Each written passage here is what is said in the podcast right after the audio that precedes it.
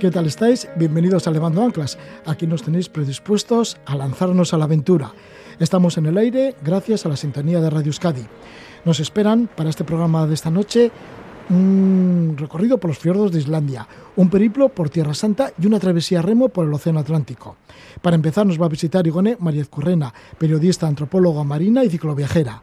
Ha estado un mes dando pedales por los fiordos del noroeste de Islandia, la parte más septentrional de este país un lugar fuera de los tours turísticos, del mundo de los viajes y de todo, bueno, un lugar que es parece ser de los últimos vírgenes que quedan en Europa. La mayoría de las carreteras pues están sin asfaltar, apenas hay habitantes. Y Gone pues ha tenido que ver con las inclemencias extremas de nieve, viento, frío, lluvia, pero la experiencia la ha merecido muchísimo la pena. Y después vamos a estar con Antonio Piñero, que Antonio es una eminencia en el estudio de la vida de Jesús Nazaret, el Jesús Nazaret histórico y también de los primeros cristianos. Junto con el escritor Juan Eslava Galán, firma el libro Viaje a Tierra Santa. Ambos amigos visitan los lugares del Nuevo Testamento, contrastan la veracidad histórica, se trasladan, por ejemplo, al monte Sinaí, luego a Jerusalén, a Nazaret, a Cafarnaún entre otros muchos escenarios de la Biblia y de los Evangelios. Así que estaremos con una eminencia, como digo, sobre la vida de Jesús de Nazaret, Antonio Piñero, y además recorriendo por los lugares en donde estuvo Jesús, eh, por Tierra Santa. Y antes de terminar Levando Anclas, pues vamos a recuperar la entrevista que realizamos a Xavier Agote y a Urco Mendiburu en marzo de 2004. Esto fue dentro de un programa que hicimos en directo en conmemoración de los 20 años de Levando Anclas. Por aquel entonces, en el 2004, hacíamos sus 20 años y uno de los invitados, hubo muchos invitados, pero uno de estos invitados especiales fueron Xavier Agote y Urco Mendiburu. Ellos nos hablaron de cómo atravesaron el Océano Atlántico a remo durante 73 días. Les escucharemos también en el programa de Levando Anclas que ya comenzamos. Estamos con Igone María Currena.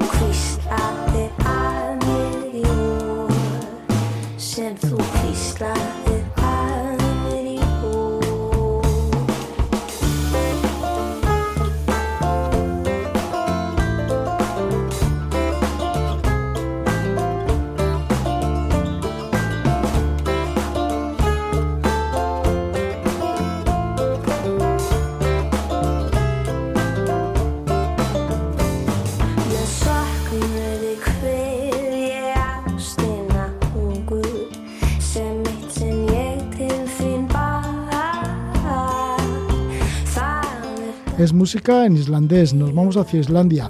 La cantante que escuchamos es Lay Love y el tema Orfid. Pues sí, nos vamos hacia Islandia y lo hacemos a través de Igone María Correna, que tenemos aquí su presencia. Ella es periodista, licenciada en antropología, ha realizado largas excursiones y expediciones por lo largo y ancho del mundo. Por ejemplo, en bicicleta ha recorrido las provincias chinas de Yunnan y Sichuan, llegando a la región habitada por los Khan del Tíbet. También entre sus actividades marinas, pues por ejemplo, Igone participó en cuatro misiones de rescate en el Mediterráneo con la ONG Proactiva Open Arms. También cruzó en catamarán desde Ciudad del Cabo en Sudáfrica hasta Brasil, con escalas en Namibia y en Isla Santa Elena, que está en mitad del Atlántico, poca gente llega hasta allí. Bien, y una vez en tierra, en el continente americano, pues estuvo en varios países y entre otros pues por Cuba, que lo cruzó en bicicleta. Junto a la fotógrafo Iranchu Pastor publicaron el libro y también la exposición Luminescenteac Luminiscentes. Dan a conocer la realidad de mujeres en Palestina e India, en la reserva de Pine Ridge en Dakota del Sur y en Euskal Herria. Y esta vez pues le vamos a preguntar a Igone María Correna sobre la aventura que ha vivido en solitario con la bicicleta por el noroeste de los fiordos de Islandia uno de los lugares salvajes que todavía queda en Europa, fuera de los circuitos turísticos, y en algunos tramos pues no hay ni carreteras asfaltadas ni nada y ha tenido la oportunidad de contemplar paisajes impresionantes en plena soledad eso sí, con mucho frío, mucho viento, le ha llovido, le ha nevado, le ha helado. Bueno, mejor que cuente ella, Igone María Correna, esos 1.200 kilómetros dando pedaladas de forma autónoma por Islandia. Le damos la bienvenida, Igone. Gabón, buenas noches. Gabón, Roger. Bien, pues muchísimas gracias por estar una vez más con nosotros, porque algunos de los temas que hemos hablado, pues sí que nos has comentado también en este mismo programa de Levando Anclas. ¿Y cómo es que en la primavera te fuisteis a los fiordos del noreste de Islandia? Pues básicamente porque tuve tiempo y presupuesto y me apetecía muchísimo hacer un gran viaje de nuevo en bicicleta porque con esto de la pandemia la verdad que no, he tenido oportunidad hasta ahora y me puse a buscar destinos posibles. La verdad que no era mi plan A, digamos. Quería haber ido marchar hacia Pamir, pero bueno, las fronteras allí siguen cerradas y tal, y, bueno, buscando alternativas en la web Bikepacking di con una ruta que me, interesó porque me pareció muy, muy original y allí que me fui. ¿Y cómo es la primavera allí en Islandia, sobre todo en esa parte tan al norte? Porque estamos hablando de que casi estamos pegados al círculo polar ártico, ¿no? La primavera es invernal allí.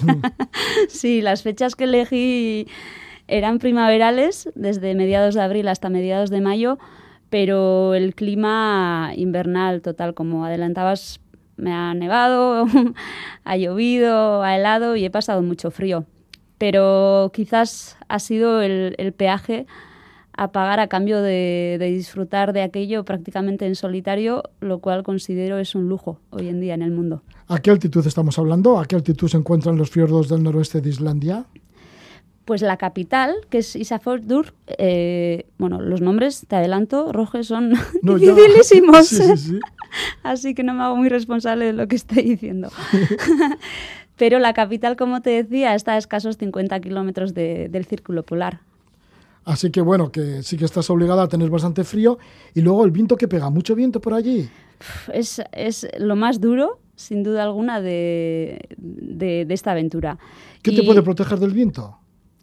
pues allí, al menos para pasar las noches, buscaba refugio o algo parecido en las instalaciones de, campines o, granjas cerradas o, casas abandonadas que pudiera encontrar, porque claro, eh, estas fechas todavía no son nada turísticas ni, ni nada abiertas al público allí, entonces la verdad que todo estaba cerrado, ¿no? Pero bueno, si encontraba... ¿Los campings estaban cerrados? Sí, eso es, eso es. Entonces, aunque no pudiese acceder a ellos, pues al menos si encontraba una pared tras la que refugiarme del viento, pues bien. Iba avisada, ¿eh? antes de, marchar para allí leí, me, informé y tal, y sabía que, el viento es el gran enemigo del ciclista allí en Islandia y nada más aterrizar en el aeropuerto de Keflavik, tienen un lugar, un, punto acondicionado para, montar las bicis o para hacer lo que, los ajustes que tengas que hacer. Y allí tenían en la pared varios carteles eh, avisando de que no has venido a Islandia a disfrutar del buen tiempo, los vientos aquí son muy puñeteros y probablemente te veas pedaleando escorada. Y así ha sido. Sí, incluso te podían tirar de la bicicleta los vientos. Sí, lo que pasa es que eran vientos bastante sostenidos. Entonces iba pedaleando un poco con el miedo de que, joder, si deja de soplar, me caigo.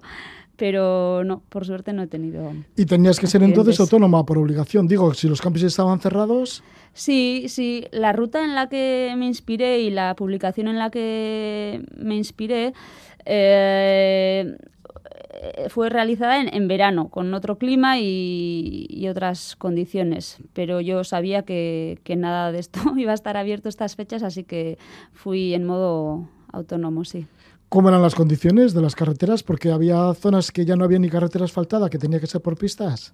Sí, hay, hay muy poco asfalto ahí arriba y precisamente por esto eh, esta zona, digamos esta región de West Fjords, queda fuera de, los círculos turísticos porque los coches, a no ser que sean 4x4 y, bien preparados y con neumáticos de invierno y tal, no pueden, no pueden entrar y las agencias que alquilan coches tampoco permiten a los turistas entrar en esta zona. ¿De qué te servías para poder ser autónoma? Bueno, la bicicleta y cómo ibas equipada. La bicicleta, las alforjas, todo el equipo de acampada eh, la tienda, esterilla, saco, mucha ropa o más que mucha, buena, un equipo técnico de invierno, mucha pluma y, bueno, el jet boil, eh, muchos bidones de agua por si acaso y comida. Traté de llevar mucha comida de aquí porque Islandia, como ya sabrás, es carísimo y la comida también.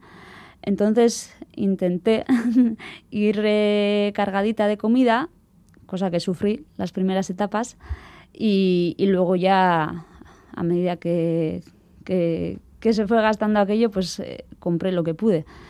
¿Cómo es el paisaje? Porque el paisaje de Islandia sí que es distinto a todos, ¿no? Sí. En esta parte de los fiordos del noroeste del país. Sí, pues mira, yo no he estado en Noruega, no conozco los fiordos noruegos, pero leí, estando allí, algún turista así suelto que, me topé, me dijo que se parece mucho a aquello y, bueno, es un paisaje totalmente inhóspito, muy, muy virgen, eh, muy salvaje, mucha ave, focas, eh, no sé.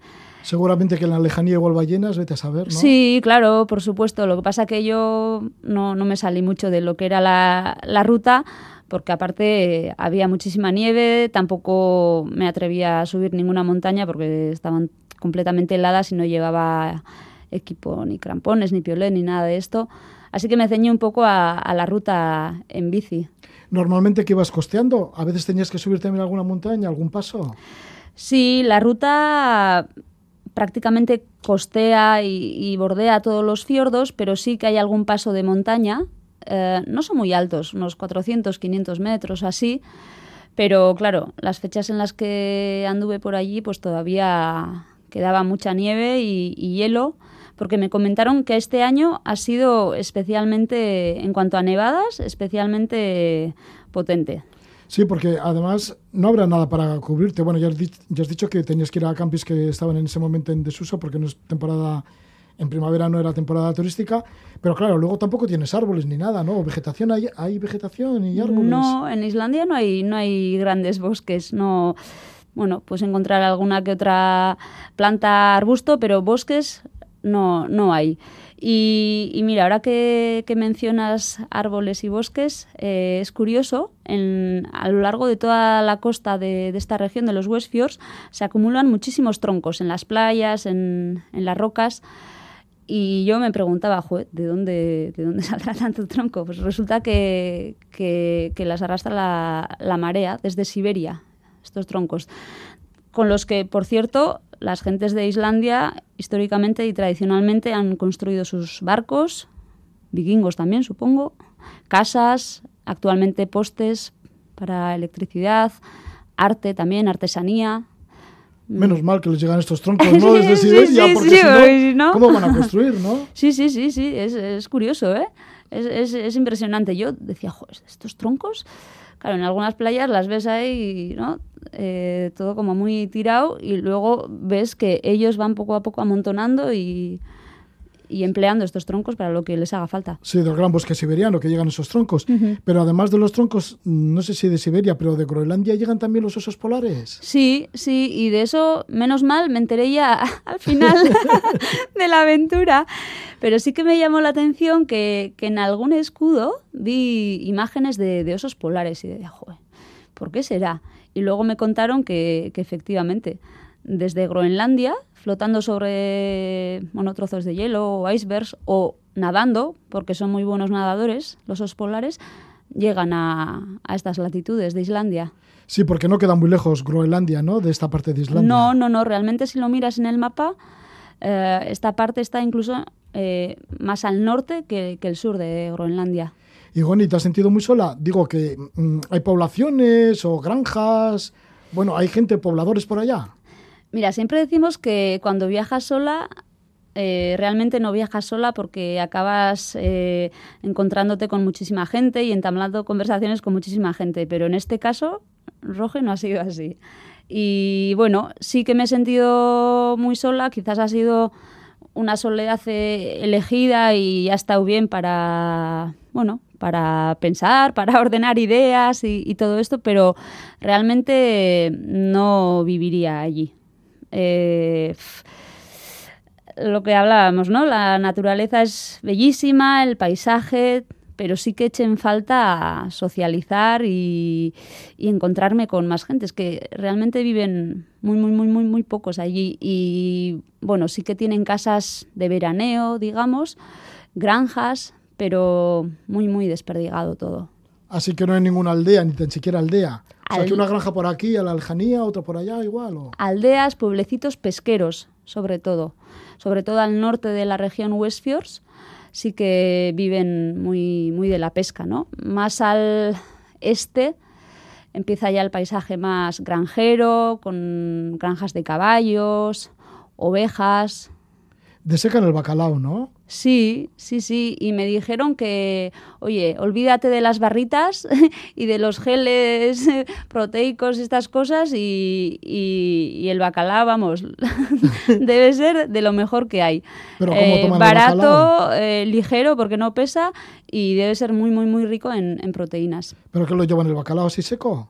Tienen allí un montón de, secaderos y luego venden este bacalao en, trocitos o incluso con forma de barrita eh, en bolsas de, plástico. Sí. Cuando pasabas por alguno de estos lugares que tenías oportunidad de hablar con los pobladores, parece que mm, lo que me has contado ¿no? para preparar el programa, que cuando decías que era vasca, te decían, te, lo asimilaban a ballenera. Sí, enseguida. Eh, yo les decía que era vasca oh, Wheeler, Wheeler ballenera. Y yo, ahí va. ¡Qué sorpresa! Lo único. Bueno, ahora saco la pony, ¿no? Sí, y, bueno, sí, sí que tenía noticias de, bueno, de lo que era Euskal Herria, de, de los vascos y sobre todo de los balleneros que llegaron allí hace siglos. Lo que hace la tradición oral, ¿eh? que ya han pasado siglos. Sí, sí, sí. Pero fíjate que nos tienen por ladrones. no sé lo que hicieron allí, pero... bueno, es famosa la masacre de 32 balleneros vascos en 1615. Exacto.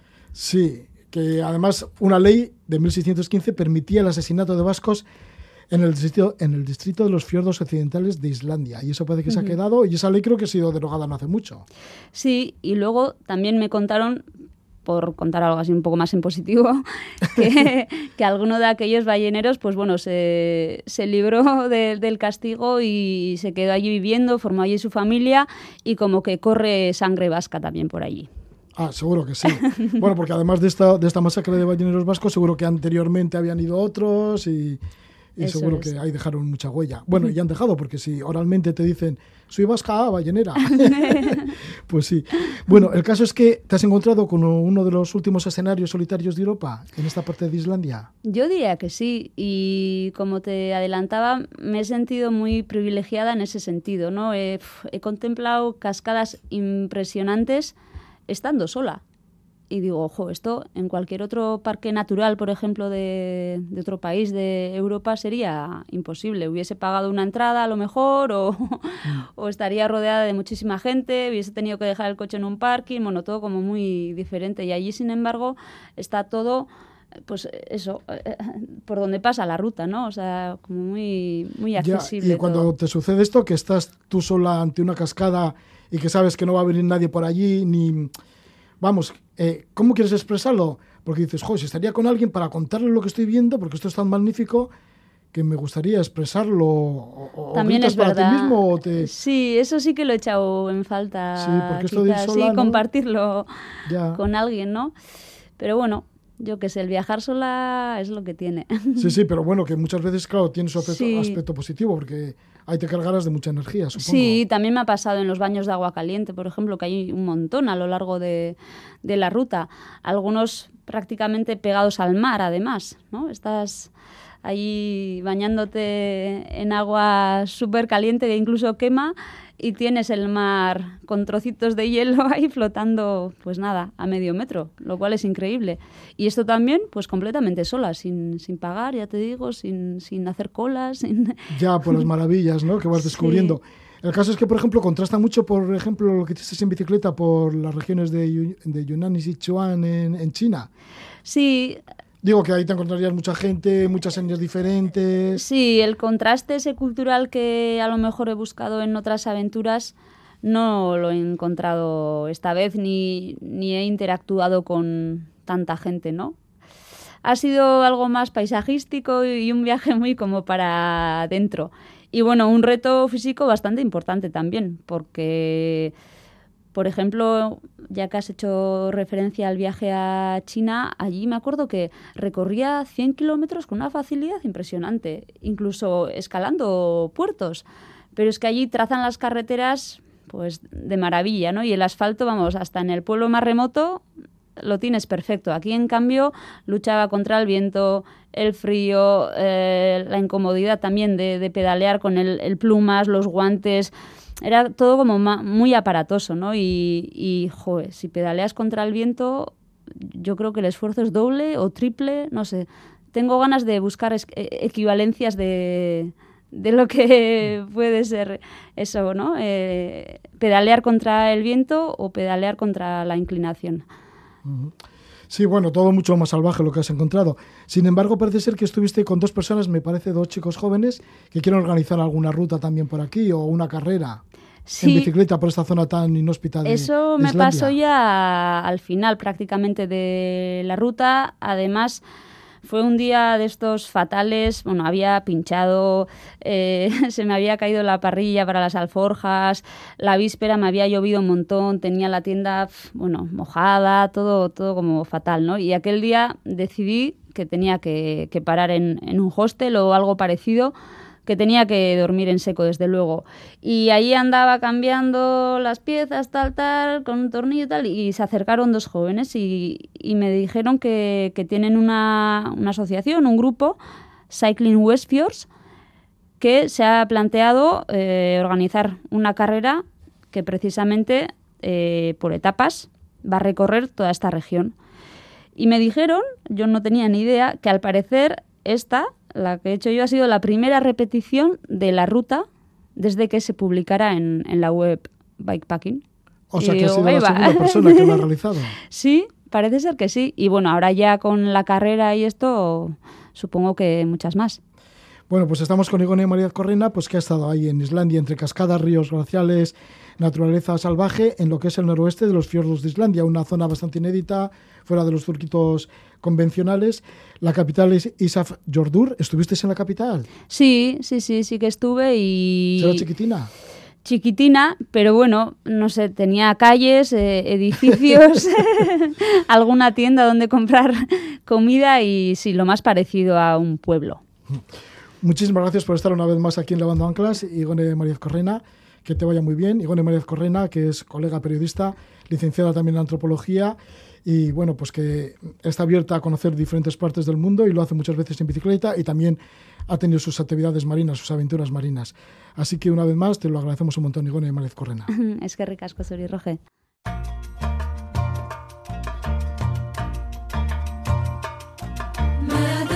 es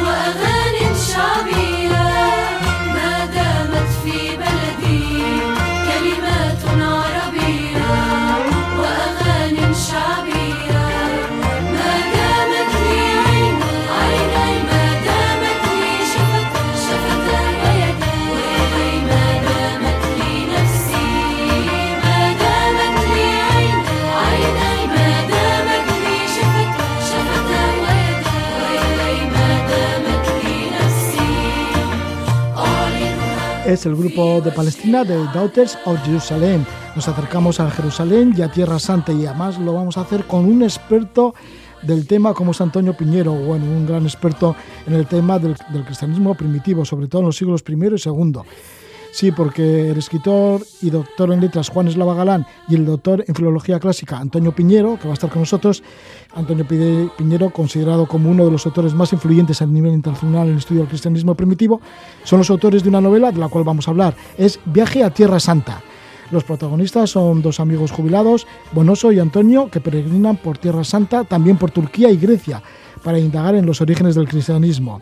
Desde el monte Sinaí, ahí es en donde comienzan, donde Moisés vio a Yahvé en una zarza ardiente, pues van hacia Israel, a Palestina, para seguir las huellas de Jesús. Luego prosiguen por los lugares del cristianismo primitivo en Turquía y Grecia. Durante su periplo por los lugares claves de las escrituras, los dos amigos reflexionan sobre la veracidad de los distintos episodios bíblicos. Así que Antonio Piñero nos va a hablar de ello, que lleva muchos años en ese tema.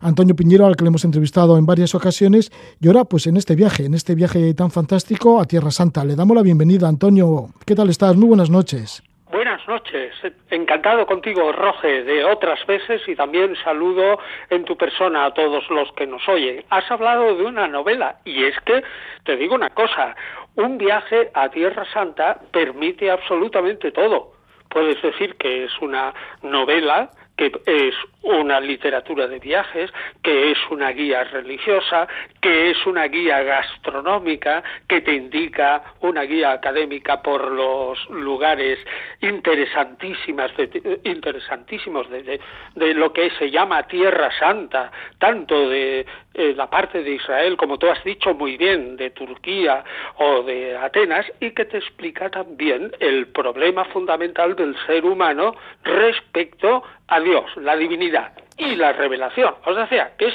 todo. Sí, y todo ello de una manera sencilla y muy amena. Antonio, ¿por qué después de estudiar e investigar y publicar sobre la vida de Jesús, porque diremos que tienes como publicados medio centenar de libros. Por cierto, aparte de este viaje a Tierra Santa, también tienes publicado últimamente los libros del Nuevo Testamento, traducción y comentario, una explicación de los 27 libros del Nuevo Testamento. Bueno, pues después de investigar tantos años, ¿qué es para ti estar pisando Tierra Santa? Bueno, pues es que, mira, es el fundamento de nuestra religión y de nuestra visión del mundo. Yo le digo a la gente, no, somos muchas veces religiosos, sino cristianos culturales. Y les digo, mira, tú tienes que saber que tú no eres budista, que tú no eres... Eh, eh, pues musulmán, ni que eres sintoísta, sino que eres un cristiano y tus raíces vienen ahí quieras o no quieras. Y una manera de ponerte en contacto con las raíces es ir a Tierra Santa, donde además de cuestionarte tus ideas, resulta que das una patada ¿eh? a una piedra y surge una historia. Eso sí que es fantástico. Es decir, que es mezclar eh, la existencia nuestra, tanto vital como religiosa, con la experiencia de un viaje. ¿A quién no le gusta un viaje que sea emocionante y que encima te enseñe. Bueno, pues esto es. Ni una cosa más, ni menos. Claro, ni menos, porque está lleno de historia, de cultura, de religiones. Y la obra, pues sí, trata de estos dos jubilados que son no creyentes y acuerdan hacer un gran tour bíblico por los lugares de las escrituras. Y uno de ellos, pues le propuso, Antonio, en este caso, propuso comenzar por el monte Sinaí. ¿Por qué comienza el itinerario en este lugar? Claro, porque el problema grave o serio que tiene el ser humano es cómo yo, que soy un hombre, puedo comunicarme, o al revés, como un ser que es absolutamente, eh, yo qué sé, lo súper, eh, lo extraordinario, lo absolutamente otro, cómo se comunica. Y resulta que en nuestra civilización esa comunicación se da en el relato de la Biblia en el monte de Sinaí. Y como se dice al principio, Bonoso, que es Juan Eslava Galán, está atormentado de alguna manera por el sentimiento religioso y quiere encontrar la verdad, pues evidentemente, dentro del punto de vista cristiano, yo no me voy a ir a una montaña donde se le apareció a un héroe del Sutra o algo así, sino al héroe Moisés, que es el fundamento de nuestra creencia. Al fin y al cabo, y fíjate, fíjate qué importante es esto. Eso que tú hablas del monte de Moisés es el nacimiento de una religión que viene antes de Moisés, de Abraham, y que son las raíces de tres religiones importantísimas hoy día, el judaísmo, el cristianismo y el islam. Las tres se tratan en el libro. el monte Sinaí, que está a 2.300 metros de altitud, y en el libro se dice que es subir a donde bajó Yahvé, así que tiene que ser una gran experiencia.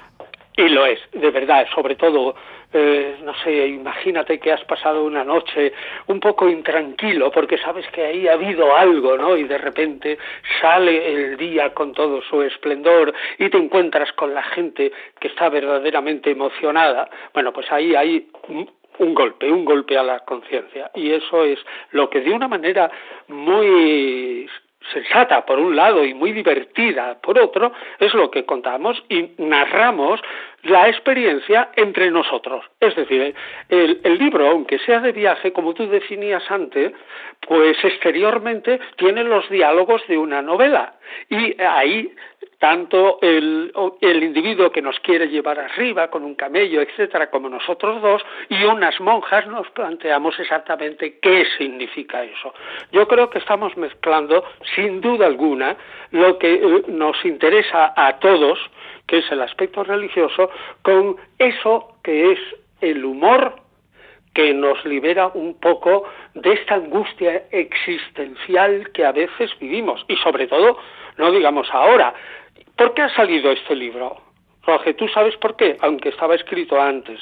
Porque ahora ha surgido, ¿eh? Planeta cayó en la cuenta inmediatamente, tenía el libro ya preparado, que ahora es el momento en que el alma se puede esponjar y decir, bueno, acaba la pandemia, voy a iniciar un viaje, que es lo mejor sobre todo a las damas que les encanta perfectamente eh, el viajar, más que a los varones, y decir ahora mismo me libero de la angustia y me voy, empiezo con el monte Sinaí y luego desciendo y voy con el pueblo por el desierto y voy hasta Jerusalén y voy contando a la gente todas mis experiencias, mezclando, como te digo, lo serio, absolutamente serio, con una cierta crítica de la religión es evidente. Y la crítica de la religión yo creo que, lo debe admitir la gente porque es la salsa de nuestra vida. Sí, y más aún cuando se lee a Antonio Piñero, que está con nosotros y que es todo un entendido ¿no? en, el, en el cristianismo primitivo de los siglos primero y dos y de la vida de Jesús. Pero bueno, ya que estamos en el monte Sinaí, parece ser que resulta un lugar muy concurrido, ¿no? es, es, verdad. y que luego se sube para ver el amanecer allí, ¿no? Sí, Efectivamente, ocurre que el sentimiento religioso no lo teníamos nosotros solos, Juan y yo, que pensábamos al principio, bueno, ya lo imaginábamos, vamos a estar ahí en esta gran experiencia solos, viendo cómo nace el sol y cómo se levanta la iluminación divina, y resulta que ha habido gente que viene desde más lejos que nosotros y están allí esperando la noche entera a que de algún modo Dios les revele algo. Bueno, pues eso es lo que yo digo. La, novela, como tú lo llamabas, y es la primera vez que he oído, Roge, ¿eh? la primera vez que he oído que este libro es una novela, pero me gusta mucho, porque tiene ese, ese ritmo de la novela y del diálogo y de, esa revelación interna. Eh, tanto Juan como yo nos planteamos los problemas existenciales que tenemos, pero con un enorme humor.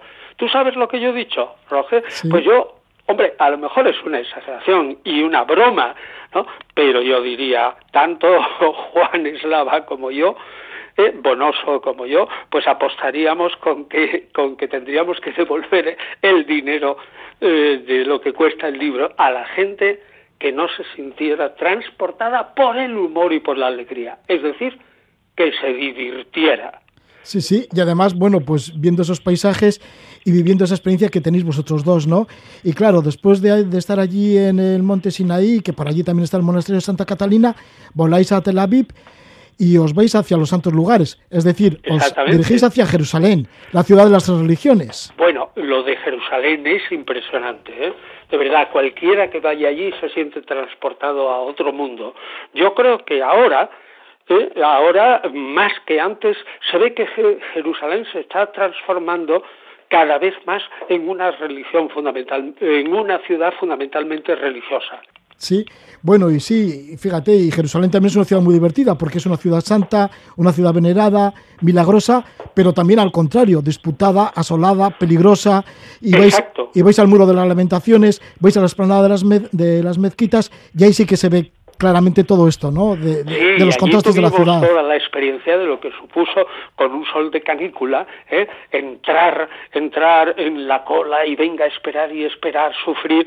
Eh, bueno, sufrir, entre comillas, ¿no? Esa especie de examen que te hacen como si fuera con rayos X y de repente ¿eh? se te abren las puertas y dices, por fin estoy, nada menos que en la explanada de las mezquitas.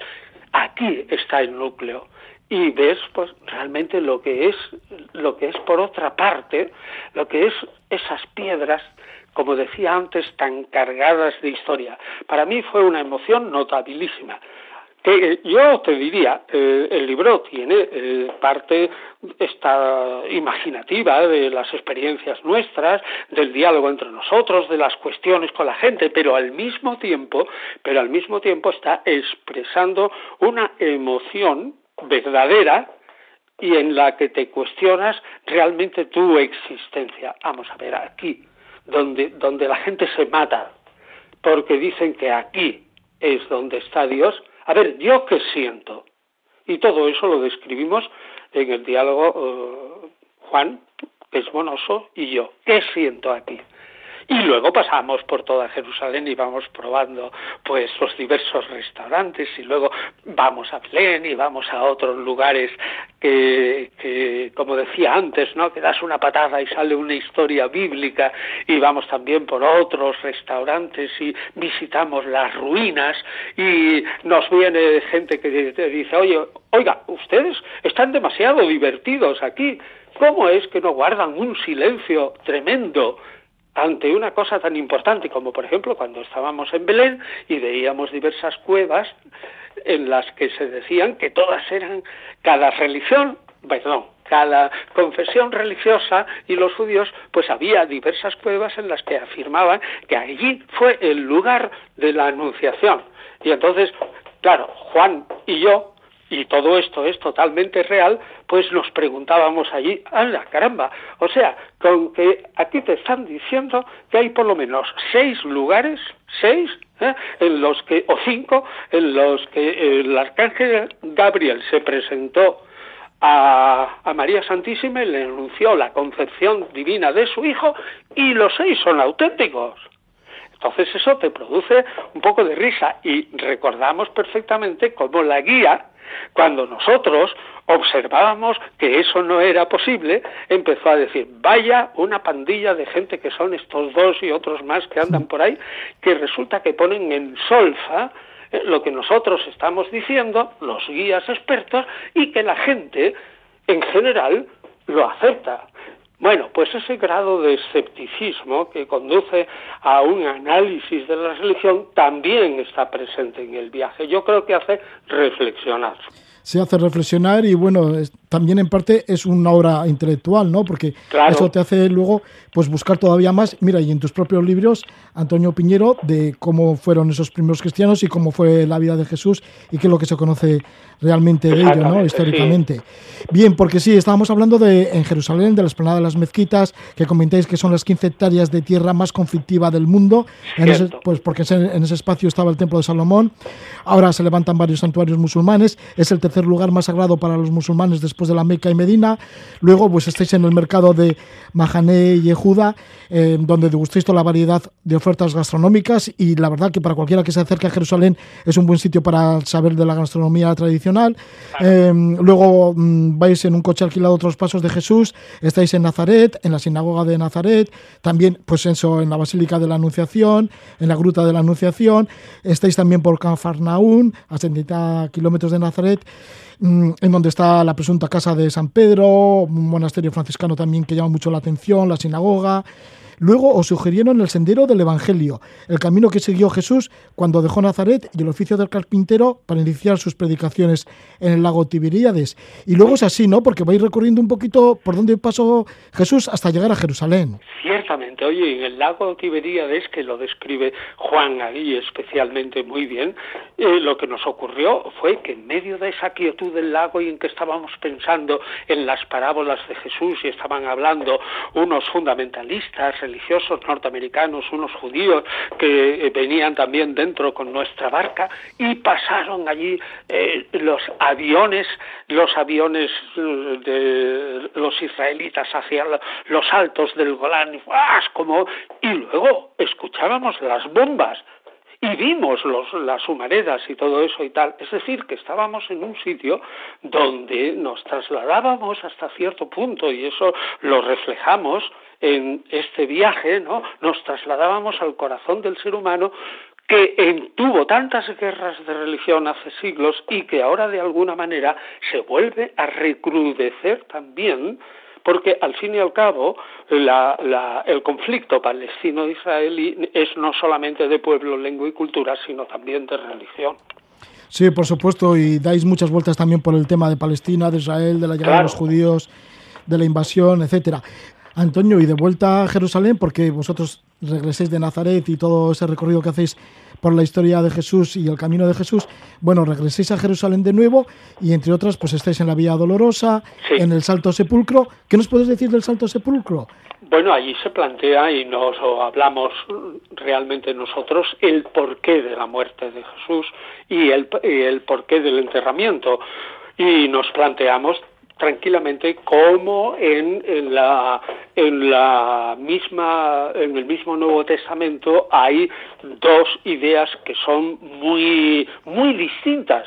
Están como que fue Jesús enterrado en, según los evangelios en el Santo Sepulcro ahí que es una tradición ya en torno al siglo IV hasta ahora y la otra idea que la gente no tiene mucha conciencia de ello, que aparece también en el Nuevo Testamento, en Hechos de Apóstoles, en el capítulo 13, como parece dar a entender que el Santo Sepulcro quizás quizás no fue así exactamente, sino que como fueron realmente los judíos, las autoridades judías, según Hechos de Apóstoles capítulo 13, bajaron a Jesús y según el mismo Nuevo Testamento, esas autoridades judías eran más que enemigas del personaje Jesús, a quien habían liquidado por medio de los romanos, pues uno piensa, realmente yo estoy aquí en el Santo Sepulcro y veo eh, la, la, piedra redonda y todo esto, y si resulta que a Jesús a lo mejor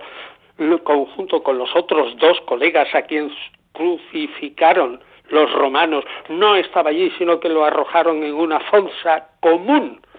Bueno, esto a la gente le puede horrorizar, pero todo eso se suscita, se suscita ahí porque está en el mismo Nuevo Testamento y se suscita cuando tú ves eso que dices, lo del Santo Sepulcro. Y yo recuerdo que la realidad, cuando estábamos exponiendo eso, un otro señor eh, brasilero, yo no me acuerdo ahora muy bien si lo contamos en el libro tal cual, pero otro señor brasilero que debía ser un pastor protestante empezó a protestar contra mí allí en público, se armó un gran jaleo diciendo, bueno, pues este señor, ¿cómo está diciendo que a lo mejor aquí en la Basílica del Santo Sepulcro eh, no fue exactamente el lugar en el que enterraron a Jesús, sino que fue en otro sitio? Y hubo una cierta gresca que eso pues también es interesante porque eso lo vivimos en realidad en el viaje y plantea el problema del enterramiento de Jesús, sin duda alguna. Sí, y a veces nos resulta como un parque temático de tantas religiones, de tantas discusiones, de tantas sectas. Sí, sin duda también, porque allí encontramos a los franciscanos, a los ortodoxos, a, otros y tal, cada uno defendiendo su parcela y pensamos realmente la religión como, como como eh, la religión cristiana, que es una religión del amor, y resulta que aquí en el centro de la vida de Jesús están peleándose unos con otros por un pedazo de tierra, ¿no? Eso es verdaderamente impresionante. Pero en fin, nos está contando Antonio Piñero, nos está hablando desde Bayona, en Pontevedra. Antonio Piñero, que junto con Eslava Galán son los autores de este libro, Viaje a Tierra Santa, que lo edita Planeta, y el viaje seguiría todavía más, porque se van a Belén, a Cisjordania, luego van hacia Atenas, están allí en la Acrópolis, entre otros sitios, y luego en Éfeso, pues en la presunta Casa de la Virgen, en Éfeso en Turquía y demás.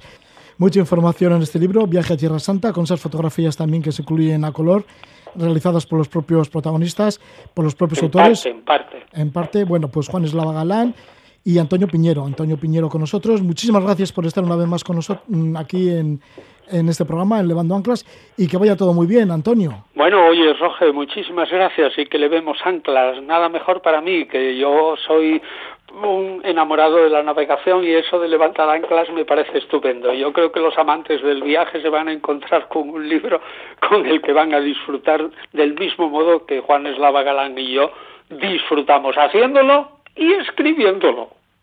Pues gracias y buenas navegaciones, porque sé que tienes barco ahí en Bayona. Pues sí, tengo un barquillo de vela y no me lo paso mal entre trabajo y trabajo, fundamentalmente trabajo y estudio, pero me escapo un poco y navego.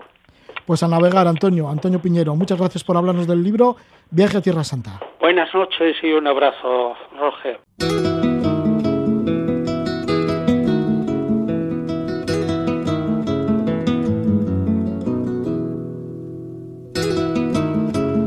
rescatamos una entrevista de la larga trayectoria de Levando Anclas. Se realizó cuando conmemorábamos los 20 años de Levando Anclas en marzo de 2004. En directo ante público, asistieron alrededor de 700 personas y esto fue en las instalaciones del actual Ichas Museum. Vamos a escuchar un extracto de la conversación que mantuvimos con miembros de Albaola, asociación que pone en valor la cultura marítima vasca. Así entrevistamos a Sevilla Gote, fundador de Albaola, y a Urco Mendiburu, remero de Treineras, cruzaron el Océano Atlántico a remo en el año 2001 de Canarias a Barbados, dentro de una competición que llevaba el nombre de World Evans Atlantic. Esto nos contaban en 2004 Sabia Gote y Urco Mendiburu.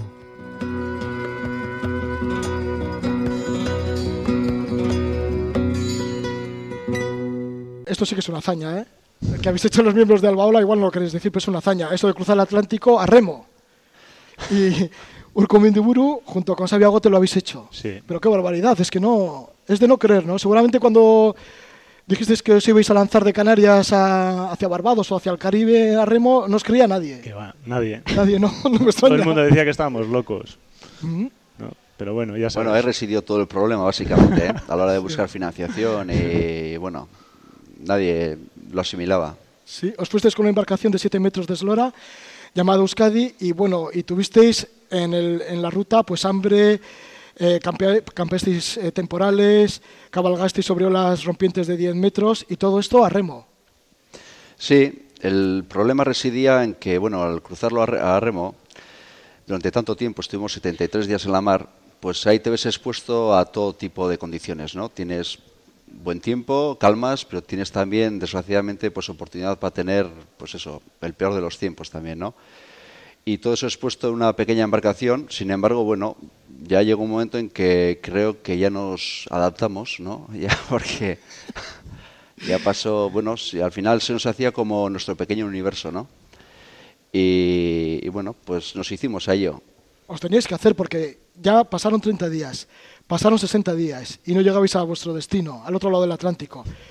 Llegasteis a, bueno, a los 73 días. Esto Urco tiene que ser muy duro, ¿no? Tantos días, es que como si nunca terminara. Sí, sobre todo los, los 20, 30 primeros días, pues hasta que te haces a lo que es el barco y pues eso, el no descansar, el, el no comer bien, pues al principio pues como no estás acostumbrado, por mucho que te entrenes, no estás acostumbrado a eso. ¿Y, y, tenéis alucinaciones incluso, digo, por el hambre y sobre todo por eso, por el cansancio y y así?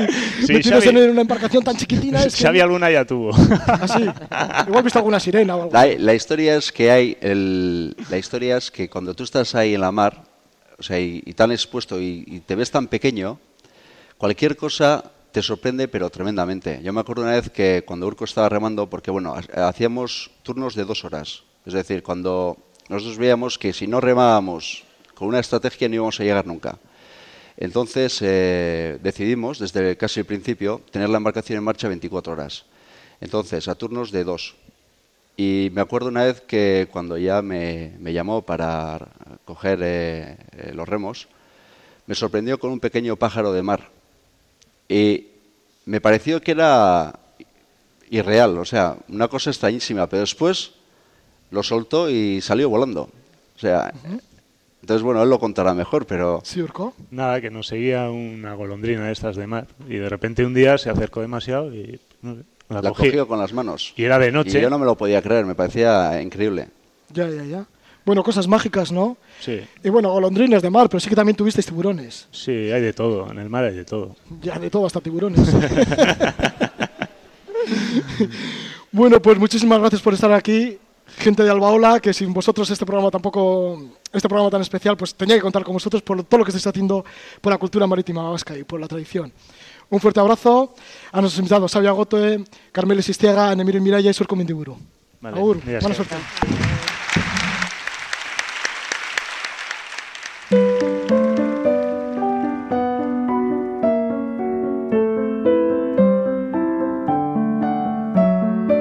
Sabia Gote y Urko Mendiburu en un extracto de una entrevista que hacíamos a miembros de Albaola en conmemoración de los 20 años de Levando Anclas en marzo de 2004.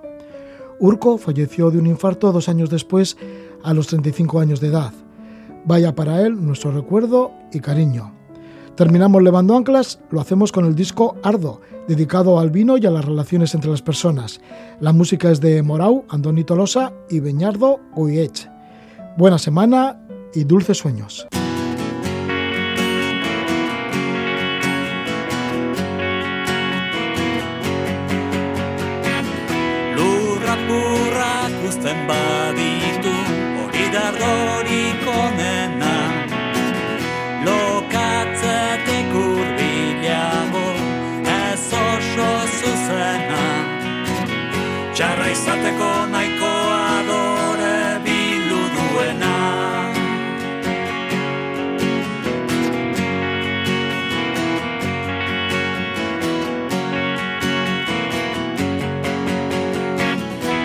Ustekabeak landatzen ditu ardorik onena. Erdoi lapur bat polena aurreikusi ezin dena. Edan beharko